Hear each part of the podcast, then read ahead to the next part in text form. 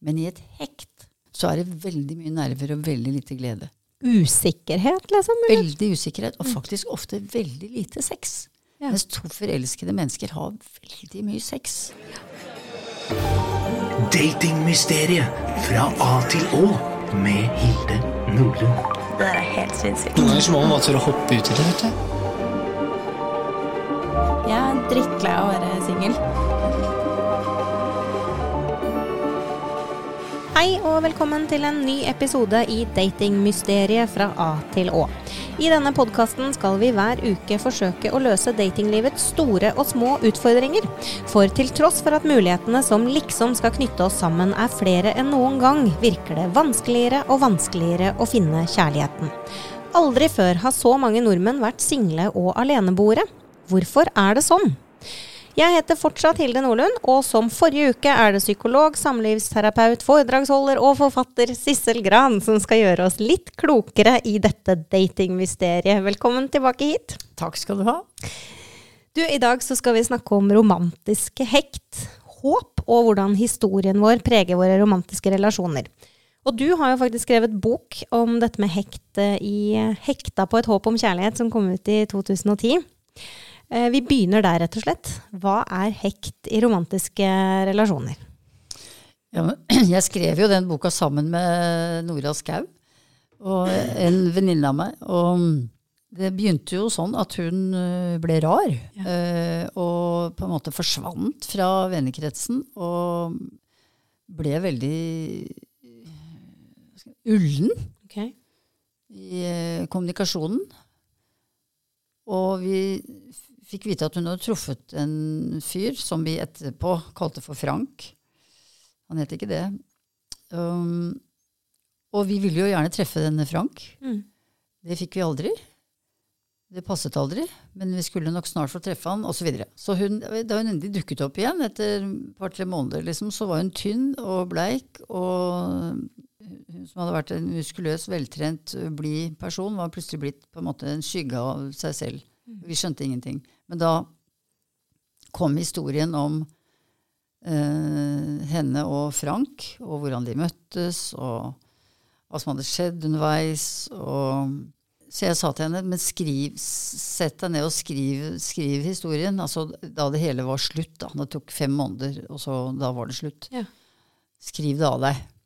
Og så gjorde hun det, og så var det en forfattervenn som sa du får skrive analysen, Sissel, så, så, så blir dette litt mer enn en selvbiografisk historie om en merkelig relasjon. Mm. Og underveis mens jeg skrev, så tenkte jeg hva er dette for noe egentlig? For dette var jo noe jeg hadde hørt om før. Altså dette har jo, dette var ikke, hun var ikke den eneste som har liksom blitt nesten forsvunnet, altså. eh, I stress og nerver og forferdelse i løpet av en sånn merkelig altså En ikke-relasjon, vil jeg nærmest si. Mm. Og Jo mer vi snakket om det, så tenkte jeg det ligner jo veldig på en sånn Jeg kom til å tenke på sånn rottepsykologi. Ja. Altså, for jeg jo, hadde jo, var jo opptatt av læringsteori i gamle dager jeg, som psykolog, og syntes jo det var ganske morsomt. Altså, hvordan, hvordan skal du få et dyr eh, til å repetere en atferd? Og bli helt avhengig av en type atferd? Jo, ved å gi dyret en belønning eller en pellet eller en godbit med ujevne mellomrom. ja.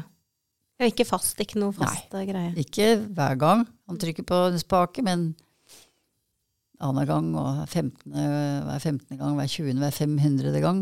Og det som skjer er at Dyret slutter aldri å trykke på spaken for å få den godbiten til å trille ned i lille skålen. Nei. Og det går an å skape den type avhengighet både hos dyr og folk. Altså det er én måte. Samme som vi som eh, sveiper videre og videre og videre på Ja. Tinder. Fordi du ser at veldig mange av de som eh, altså, så, så Bare det å være på en dating, være på Tinder, da, Mm. det skaper jo en form for avhengighet. Mm. Av, også fordi at, eh, fordi at tech-gigantene ønsker at du skal være avhengig, og de ønsker at, at mobiltelefonen din skal være et, et ekstra lem på din kropp. Ikke sant? At det skal være at du skal holde på der og scrolle og suse rundt på nettet kontinuerlig, fordi det tjener de penger på. Mm. Så dukker det opp en godbit i ny og ne der òg. Dykker opp en godbit i ny og ne, vet du, som gjør som er et sånn belønningspling i hjernen, og hjernen og liker sånn pling-plong og sånn likes og sånne, og at noe er morsomt og noe er gøy. For hjernen elsker jo variasjon og forandring og alt det som det har vi snakket om før. Mm. Men det, som, det er mange andre årsaker til at man kan utvikle en sånn eh, vanvittig relasjon til et menneske, men det er dette her med å bli tatt inn og ut av fryseboksen. Mm. Altså å bli utsatt for veldig sånn, kanskje en veldig sånn beiling i starten, og veldig sånn hvor man begynner å tro veldig på at dette skal bli noe kjempefint. Mm. Og så trekker den personen seg litt tilbake, og dukker så opp igjen, eller er litt til og fra av og på, varm og kald, nær og fjern. Ja. Og det skaper jo en voldsom uro. Så det jeg gjorde da, det var at jeg rett og slett begynte å tenke på hva er det for et fenomen? Og så definerte jeg et, jeg tenkte at dette er jo bare et hekt. Det er jo en form for å være hekta, men er det på personen man er hekta, eller er det på håpet om at dette skal bli noe? Jeg mener det er håpet om at dette skal bli noe. Og derfor bokas tittel var 'Hekta på et håp om kjærlighet', at dette skal bli noe. Og det, så jeg definerte et hekt rett og slett som en sånn nervøs, romantiserende overopptatthet av en annen. Mm. Med sterke innslag av panikk og avhengighet. Det er definisjonen. Og med romantiserende så mener jeg fremtidshåp. Mm. Altså For romantisk betyr jo for så vidt altså I det ligger ikke sånn stearinlys og roser og sånn, men eh, du og jeg inn i fremtiden.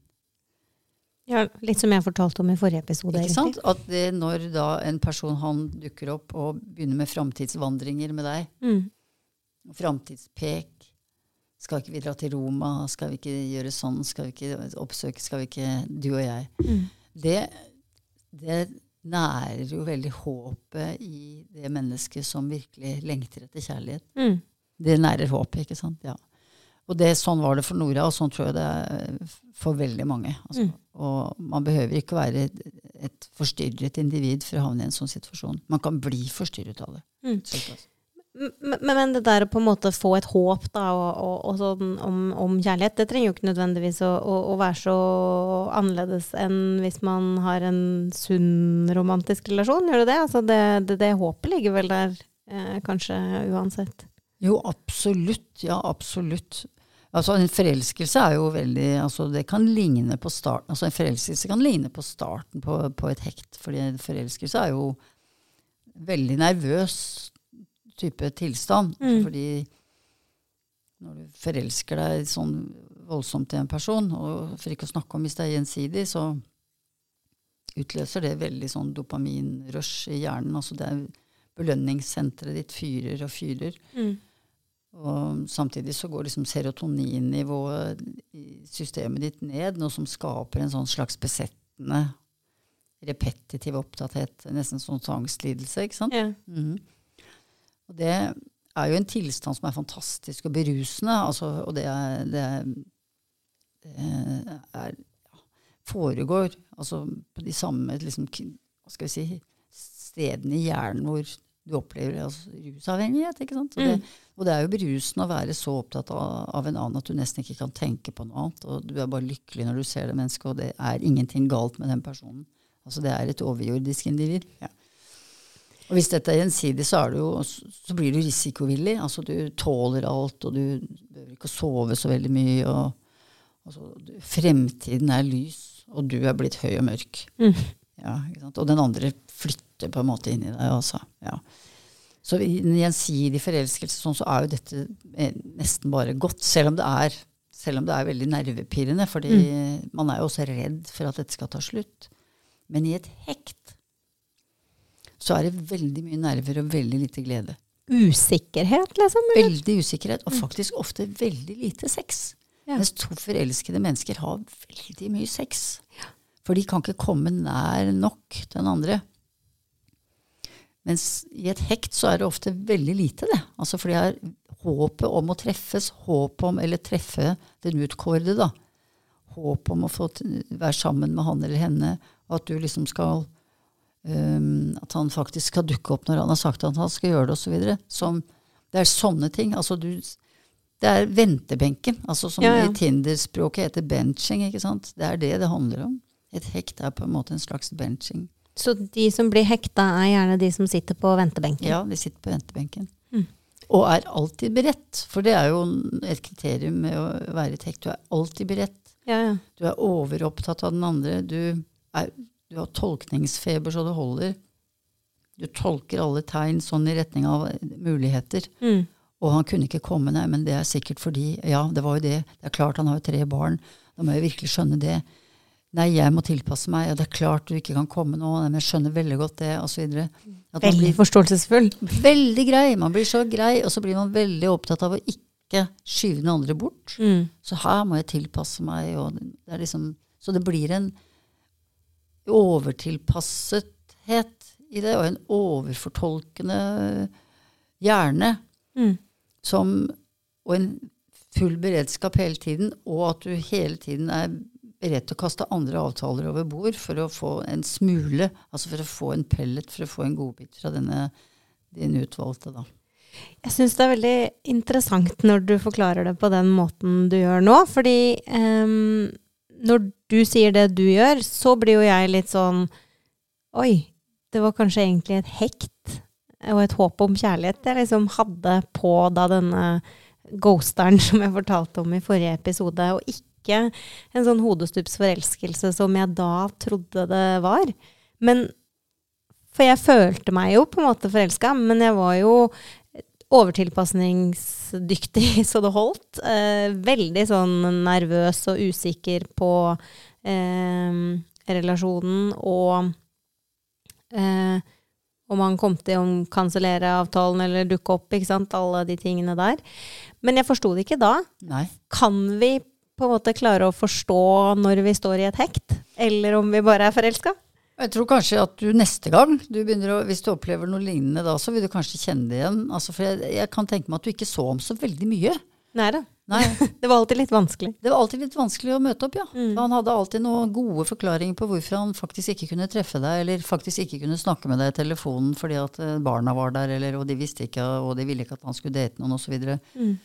Og det kjøpte du, Ja, ja. fordi han hadde da bedrevet framtidsvandring med deg. Nå skulle dere til Roma, og dere skulle ha en lys fremtid sammen, ikke sant, som han hadde på en måte lagt inn og koda inn i hjernen din, Mm. og hjertet ditt, da. Endelig møtt noen som ville være med på hengekøyeturer. Og, Endelig. ja. Vet, noen som ville være med deg på hengekøyetur. Padle og gjøre sånne ting som du er glad i. ikke sant? Ja. Mm. Ja, nei, han, eh, Vi får håpe at han ikke var en profesjonell hekter, fordi de finnes, altså som er manipulerende og strategiske i dette her, og som kan alle triksene i boka. Som gjør det med vilje, liksom? Ja, noen gjør jo det. Men ja. hvorfor det? Du får jo damer på den måten, som du kan ha en stund, kanskje flere samtidig uten at de vet det, og så kan du boltre deg. Så det blir et slags spill, liksom? Ja da, det har jo Nils Strauss skrevet om i boka The Game, ikke sant, at det er et spill. Ja. Den boka var jo veldig populær en stund, og fortsatt er det jo, tilbys jo menn som ikke får snøre i bånd kurs på nettet om hvordan de skal få snøre i bånd. Ja. Ja. Mm. Men eh, altså, jeg forsto det jo åpenbart ikke selv. eh, Nora forsto det kanskje heller ikke selv. Men eh, hva med de rundt? Eh, Forstår de det? Ja, jeg vil tro at dine venninner skjønte hva du var inne i. Kanskje de også prøvde å fortelle at dette ikke var noen god idé. Men det vil, øret vil du sannsynligvis ikke høre på. Jeg var litt svak eh, Hva heter det? Hadde litt dårlig hørsel på det øret. hadde dårlig hørsel den perioden der, ja. Ja, det høres mer ut som du var inne i et hekt enn at dette var en sånn veldig forelskelse. fordi at i forelskelsen så er det jo mye glede òg, da. Forventning og glede. Mm. Og ofte veldig mye at man ser hverandre mye. Og at det er veldig sexy opplegg i en sånn gjensidig forelskelse. Men det var jo ikke det her. Du fikk jo knapt møte fyren.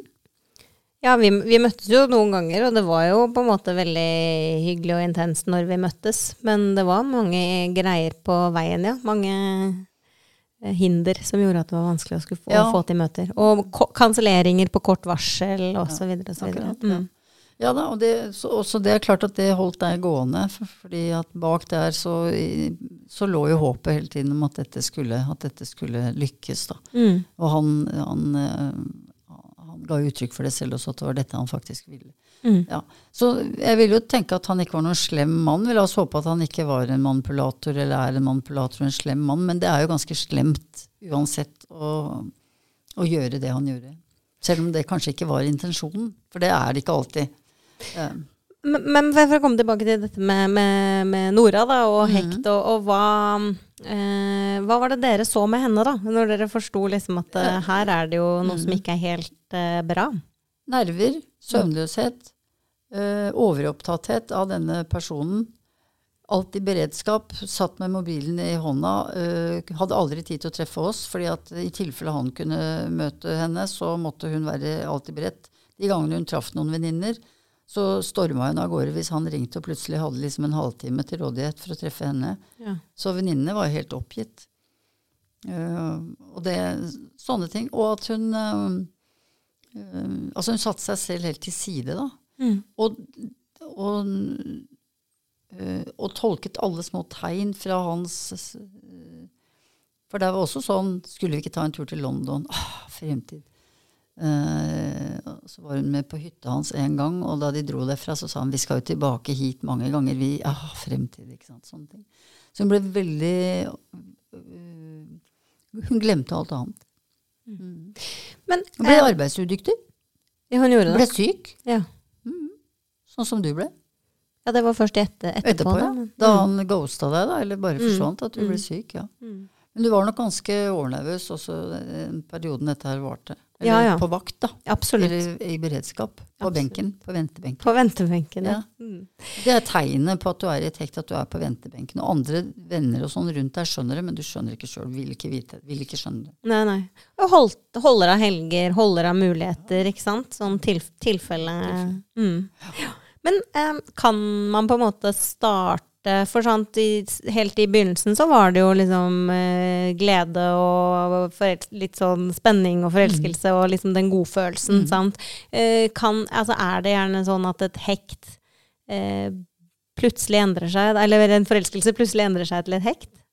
Ja, altså det, eh, Antagelig så er det sånn i starten at den andre også er interessert. Mm. Altså at det er en, kanskje en, en oppstart til en slags forelskelse. Ja. Uh, og så er kanskje ikke Så begynner den andre å få kalde føtter, da, men eh, og, de som ikke er manipulerende og kalkulerende og sånn. Og blir da litt tvilende og kommer og går litt og Mens det holder, da, det holder jo da den hekta varm. Mm. Ja. Så det ligner jo, det kan ligne på en sånn slags forelskelse i starten. Ja, ikke sant. Ja, At du blir veldig på alerten og veldig våken og veldig nervøs og veldig, veldig romantisk framtidsorientert. Mm. Mhm. Nå, liksom. Han er helt magisk.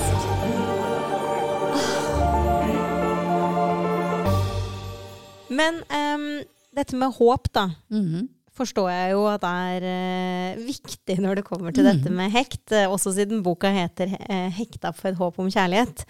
Uh, hvorfor er dette håpet eh, liksom så viktig her? Altså, nå er jo håp veldig viktig for mennesket. Mm. Altså, vi trenger virkelig å håpe, for uten håp så er vi ingenting. Og det er veldig nødvendig. Men noen ganger så kan, øh, så kan håpet bli hva Lena Andersson i sin bok 'Rettsstridig forføyning' kaller en parasitt på menneskekroppen.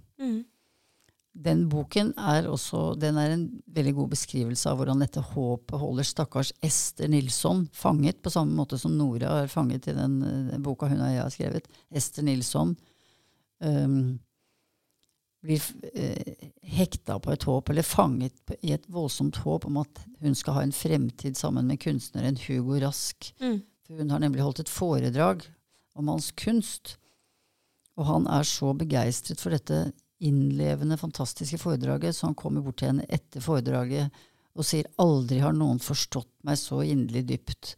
Så kysser han henne på begge kinn, og så begynner det å suse og bruse i Ester Nilsson. Der er hun på en måte solgt for det. Det er en sånn slags åpner, ja, som gjør at hun Altså håpet blusser opp i henne og er så sterkt at hun går hjem og slår opp med den trofaste ektemannen Per, og så starter hennes så starter hennes desperate eh, jakt. Men dette er fiksjon. Mm? Er dette fiksjon? Dette er fiksjon, men jeg vil tro med et slags uh, selvbiografisk tilsnitt. Ja, ja ikke sant. For Mm. det, var, det var mye som, eh, som var likt med det Nora eksempel opplevde i din, din bok. Og det er, og det er veldig Den kom ut Den boka til, til Lene Andersen kom ut lenge etter Hekta-boka, skjønner du. Mm. Og det var egentlig litt synd, for den kunne jeg virkelig gjerne ha brukt som et eksempel. altså. Ja, sånn. Men det har jeg gjort siden, da. Men den er vel verdt å lese for de som sliter med dette her, for å, fordi den er så overtydelig på hva det er som faktisk skjer med Ester Nilsson. Mm.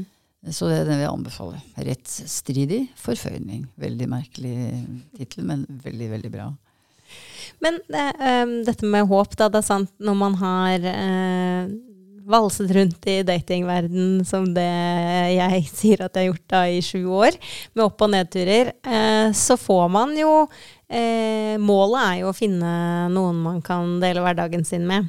Så da er det jo veldig lett å få det derre håpet Mm. om eh, kjærlighet, da. Eh, og klart, for min del Det er nesten litt flaut. Jeg syns nesten det er litt sånn flaut å si og tenke at bare sånn Shit, var det egentlig hekta på dette, dette, denne fyren, og ikke liksom Eller håpet. Ja, men, ja. ja du sier 'eller håpet'. Um, men jeg tenker jo Er man på en måte i faresonen for å få flere sånne hekt, når man, hvis man veldig gjerne vil møte den rette? Jeg tror iallfall hvis du ikke har skjønt at det er det du har vært oppi, så kan du det. Fordi vi har en eh, lei tendens til å repetere oss eh, selv. Ja. Men jeg tror kanskje den erfaringen din var såpass smertefull at du, du vil være litt på vakt, altså passe litt bedre på deg selv i, i en annen situasjon, hvor du treffer en som kanskje er veldig hyggelig og imøtekommende på den måten at du må sjekke litt ut referansene til vedkommende, og vedkommende og litt, være litt mer eh, Passe litt mer på hjertet ditt, da. Mm. Mm, sånn at ikke du opplever dette en gang til, for det behøver du ikke. Nei, for det, det, så lenge man er bevisst liksom, eh, hva som har skjedd, så, så kan man uh, unngå å havne i lignende sånne hekta Man situasjoner igjen. For, det er en, for det du, du har jo vært gjennom en sånn oppvåkning, for du har skjønt hva som skjedde med deg. Uh, og det, hvis du kjenner de tegnene igjen, at du blir sittende på ventebenken igjen og sånne ting som det, ikke sant? Alltid beredt og feier alt annet til side, og, men kjenner at hei sann, her ta seg inn og ut av fryseboksen. Det hvis du opplever det igjen, så må du Det må du ikke. Altså, da må du snakke med de gode venninnene si at du lurer på om jeg er på vei inn i det der igjen. Eller si det til vedkommende mann at du Mm. Jeg har opplevd noe lignende før, jeg. Jeg håper ikke det er det som er i ferd med å skje nå. Jeg, jeg håper å si Det var jo en eye-opener for meg, det du sa nå. For jeg har ikke tenkt på det før. Før du fortalte om liksom, eh, hva som kjennetegner et eh, hekt. Da. Og det til tross for at jeg har lest hekta på Mm. Ja. Om kjærlighet. Ja, Eh? Så, så Mm. veldig si, eye-opener, det du sa der. Ja, men det er fint, det. Mm. Men ehm, eh, hvis man merker da, at man begynner å gå inn i et sånt uh, hekt, eller at det går fra forelskelse til mer uh, hekt, kan man gjøre noe sjøl? Kan man liksom ta noen grep, komme ut av det? Uh, Ja, men hvorfor blir Altså hvis man er forelsket i en person som også er veldig positiv tilbake til deg, og du begynner å liksom kjenne at noe lugger, så er jo det fordi at den personen begynner å bli litt kanskje mindre interessert, eller trekker seg litt tilbake, og du vil ikke se det fordi, altså, fordi det er det som er hektsymptomene. Mm. At, du, at du da ikke klarer å si du. Har følelsene dine for meg har de forandret seg? For nå syns jeg du er, oppfører deg helt annerledes. Plutselig så har du ikke tid til meg lenger. Plutselig så er det veldig vanskelig for deg å treffe meg. Plutselig så, se, er, det veldig, så er du liksom veldig mye mer fjern. Du virker mer uinteressert. Er du på vei bort? Mm. Men en som hvis du kan klare det, så forebygger du et hekt. Fordi at hvis du begynner å bli hekta, så er du så redd for å si sånne ting, for du er så redd for å skyve den andre bort, at man, blir, at man da begynner man med den trippingen. Ja, ja. Og tripp, tripp, tripp på eggeskall, og ikke si noe som kan skyve vedkommende bort. Men jeg tror at da må, må du heller ta sjansen på å si det der, og heller skyve vedkommende bort, da. Fordi jeg tror virkelig på etter hvert, altså når du har hatt sånne erfaringer, at ærlighet varer lengst. Mm. At du må passe på deg selv i mye større grad. Fordi det er en litt skummel verden der ute. Må rett og slett si litt mer fra. Mm. Til deg selv også, ikke sant. Fordi husk på, hvis du skal kvitte deg med et hekt, så må du bruke det jeg kaller for fantomets metode, altså. Du, og hva er det? ja hva, hva er det? Ja, det er jo sånn, du vet Fantomet, vet du, ånden som går, altså, som veldig mange i dag ikke aner hva er, altså, men som var en sånn tegneseriefigur Mm. i, i gamle dager. Men altså, hans, det var et gammelt jungelordtak, med, det var jo, han var hard mot de harde. Ja, ok. Ja, hard mot de harde, og det betyr, han hadde en sånn dødningehodering som han smukket til forbrytere med på kjakan, så det, og det merket ble de aldri kvitt. Jeg går på sånn fitnessboksing, Ja, så jeg har også bra. en ganske grei høyde. Men det er sånn, skal du ut av et hekt, så må du f.eks. ikke drive og fotfølge da denne du har vært hekta på, Nei. eller på nettet, eller på alle mulige eh, datingapper og nettsteder hvor vedkommende befinner seg. Bare slette og slette, slette de. Mm. Du må slette de sporene. Og så må du må smukke deg selv på kjakan hver gang du får behov for å sjekke ut eller spørre noen om de vet hva han driver med, eller gå forbi det stedet du vet han trener, eller Mm. liksom tilfeldigvis henge forbi der hvor han bor. Må ikke gjøre det. Må ikke stimulere hektet. Så må du kaste tannbørsten som han, som han fikk av deg da han var hjemme hos deg den ene gangen Mm. på overnatting, eller to ganger. Og så den gjenglemte T-skjorta hans kan du sende tilbake eller hive i søpla. Det er en, en del av Fantomets metode. Da. Ja, ja. Også å være litt hard mot uh, den som har vært hard mot deg, og litt hard mot deg selv. Mm. Ja. Det, er av, det er rett og slett Du må på emosjonell rehab. Ja. ja, ikke sant. ja.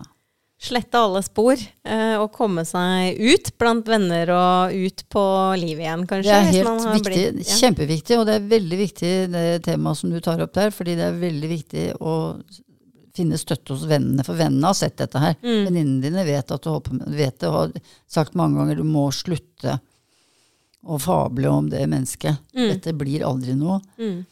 Så når, må du hjelpe, vennene dine må hjelpe deg, du- så du binder deg til masta hver gang du har lyst til å sende en snap eller en SMS, eller for å spørre hvordan går det med deg, skal vi ta en kaffe? Yeah. Å binde seg til masta, det var det jo eh, Odysseus gjorde da han skulle seile forbi Sirenenes øy, de som sang så vakkert at alle skuter seilte på grunn, ikke sant?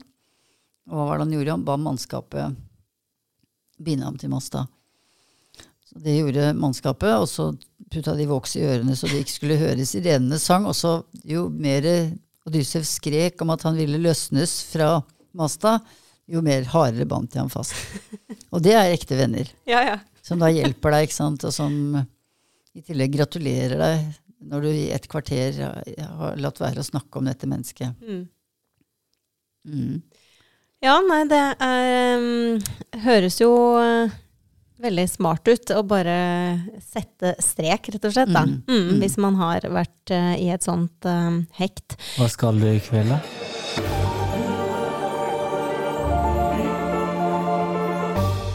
Men eh, vi skal også snakke om historie. Altså sånn hvordan preger egentlig historien vår oss når det kommer til romantiske relasjoner? Altså det man har opplevd før. Jeg vet i hvert fall med meg selv så kan jeg veldig ofte tenke at eh, den dårlige magefølelsen min eller usikkerheten rundt en person kommer av tidligere dårlige erfaringer, og derfor så dytter jeg det litt sånn under teppet.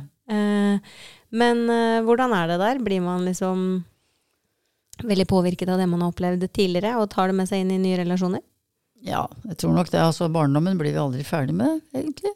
Den uh, er vi med oss Mm. på alle mulige måter. Rare måter, gode måter og dårlige måter. Og veldig mange av de som fanges i sånne hekt, um, har ofte hatt en forelder som har vært litt utilgjengelig. Ok. Og som kanskje har uh, Ja, jeg har jo kalt det en premiepappa eller premiemamma. Det er en som, har, som, man har måttet overtilpasse seg veldig for å få liksom, kontakt med. Eller som hvor barna har måttet koble seg på den forelderen mer enn foreldrene har koblet seg på barnet. Mm. Veldig mange av de unge kvinnene jeg har møtt som har sittet fast i sånne hekt over lang tid, har hatt premiepappaer. Altså en sånn som, hvor det er en premie å få kont at pappa er oppmerksom på det. Mm. For han har så mye annet å drive med. Han er så busy, eller er så rusa, eller er så av fraværende. Er så fjern, eller så veldig gift med en annen enn moren din. Altså så vanskelig å få kontakt med fordi at han er så busy med sin nye familie. Sånne ting. Mm. Så det, mm, hvis man er veldig vant til å ta til takke med lite, da, ta til takke med smuler, så er man kanskje litt mer utsatt enn, om man er, enn om man er en veldig trygg person som har vokst opp med veldig trygge forhold og trygge relasjoner. Men gjelder det bare, ja. gjelder det bare liksom barndom, eller kan det også være liksom at man i tidligere romantiske relasjoner har tatt til takke med smuler, da? Eller Ja. sånn, ja. Ja, det, det, kan, altså, det kan godt hende det. Altså at, øh, og så kan det være noe med selvverdet, at du tenker at du er ikke verdt å Du må ta til takke med smuler. Altså, men hva er det som gjør at man tenker om seg selv, eller har en, ikke en bevisst, men en sånn ubevisst idé om at man må ta til takke med smuler? Det kan være mange grunner til det. Så, um, men jeg tror jo også at i en gitt situasjon, tid, sted, sårbarhet, der og da, f.eks. etter en trist skilsmisse eller etter en kjærlighetssorg, så er man kanskje spesielt utsatt for å gjerne ville inn i noe som kan være en trygg havn. Mm. Uh, og, og, og bli veldig glad for oppmerksomhet, veldig glad for bekreftelse. eh, fordi at man er inne i en, i en sårbar fase i livet. Og da kan man jo noen ganger bli et lett bytte for folk som egentlig ikke mener alvor med det. Mm. Og man hører jo også om liksom eh, at folk som er i dårlige forhold, da, hvor partneren slår, eller som eh, blir sammen med narsissister, eller som liksom er i liksom, ja, dårlige forhold, rett og slett, at det blir sånn gjentagende mønster. Eh, er, har det noe med liksom historien vår å gjøre òg? det har nok det. Mm. Ja, det har nok det. Altså, for det er noen som aldri vil finne seg i å være i et forhold hvor man blir slått, og noen vil aldri finne seg i å bli behandlet dårlig. Men, men hvis man har, um, har negative opplevelser på datingmarkedet, da, som jo mange har i dag 1,4 millioner single klarer ikke å finne noen. 20% av mennene får alle damene, osv., osv. Er det lettere da å havne i den derre hekt-situasjonen fordi at man liksom eh, Det er bedre å ha noe enn ingenting, eh, typ? Ja, jeg tror, jeg tror svaret på det er ja. For det er, det er nesten rigga for hekt, hele greia. For å si det veldig grovt. Mm. Fordi det er, så, det er blitt så lemfeldig, og det er blitt så øh, det, er blitt, det er oppstått en ny form for hensynsløshet. Mm. Og en f- sånn form for sånn sånn konsumerisme, altså at mennesker er øh, en slags vare, altså noe du kan liksom skalte og valte med, velge i, og velge og velge bort. Altså at det er en sånn jeg, jeg tror rett og slett at flere kan havne i sånne veldig usunne relasjoner nettopp altså på grunn av at systemet fungerer som det gjør. Ja, og så skal man ikke forvente noe, komme med noe særlig krav, eller uh, skal jo liksom ikke det, da. si fra. Du skal ikke si fra, du skal ikke være klamrete, du skal ikke ha noe særlig behov. Du, øh, og du skal tåle alt mulig. Du skal tåle avvisning og tåle å bli ghosta og tåle å ikke få noen forklaring. Og, nei, da skal du bare riste det av deg og gå videre. Og sånn er ikke mennesker skapt. Nei. Det har vi, for avvisning er veldig smertefullt. Og det er ikke barnslig å bli lei seg hvis man blir eh, avvist på en, eh, på en veldig sånn hensynsløs måte. Det er ikke noe barnslig i det hele tatt. Det, det gjør vondt. Mm. Men eh, når det kommer til eh, dette med hekt, da. eh, lærte Nora noe av hektet sitt? Ja, det ble en bok av det, og vi har hatt veldig mye moro med det. Eh, og snakket masse om det. Og ja, hun ble nok ganske forsiktig etter det, ja. Mm, Ja, ikke sant. ja det. Har du noen råd å komme med da, Sissel, på slutten av episoden, eh, når det kommer til eh, dette med, med hekt og, og å ha dette håpet da, om kjærlighet? Hvordan skal man unngå at det går over til, til et hekt? Jeg tror at jeg vil bare gjenta det eller Fantomets metoderåd. Ja, for hvis du har havnet i det, og du kjenner det altså, Jeg tror det er veldig viktig da å høre på det vennene dine sier. Og kjenne etter liksom de kjenne, Sitter du på ventebenken? Mm. Kjenne etter om det faktisk er det du gjør. Altså at du blir overgrei, overtilpasset, overfortolkende i den andres favør, altså i den tilbedtes favør. Og hvis du har havnet der, så må du snakke med vennene dine om det, og ta en alvorlig prat med deg selv, og være også veldig direkte overfor den personen som lar deg sitte på ventebenken og si du, um, har du egentlig noen alvorlige intensjoner med meg, eller uh, eh, holder du meg på gress, som det het i gamle dager. Mm. Så jeg tror at det å våge å tenke det, og spørre om det, og snakke med de godlynte vennene som kjenner deg godt, det er eh, det vil jeg si er et godt råd. Jeg tror jeg skal ta den uh, fantomemetoden og gå og øve meg litt mer på den punching bagen på fitnessboksinga. Gjør det. Tusen takk for at du kunne komme i studio i dag, Sissel. Takk. Tusen takk til flust.no for hjelp med lydbildet. Takk til improskuespiller Synne Uddemo Ask, Linda Balsvik og Trym Åsnes for hjelp med lydklipp. Og takk til møbelringen Ruen Møbler for oppstartshjelp til denne podkasten. Ruen Møbler finner du på Raufoss, Lillehammer og Jessheim. Tusen takk for at du hørte på. Følg også gjerne Datingmysteriet på Instagram, og kanskje finner du flere tips og råd der inntil vi høres igjen om en uke. Ikke bli hekta, da. Ha det bra!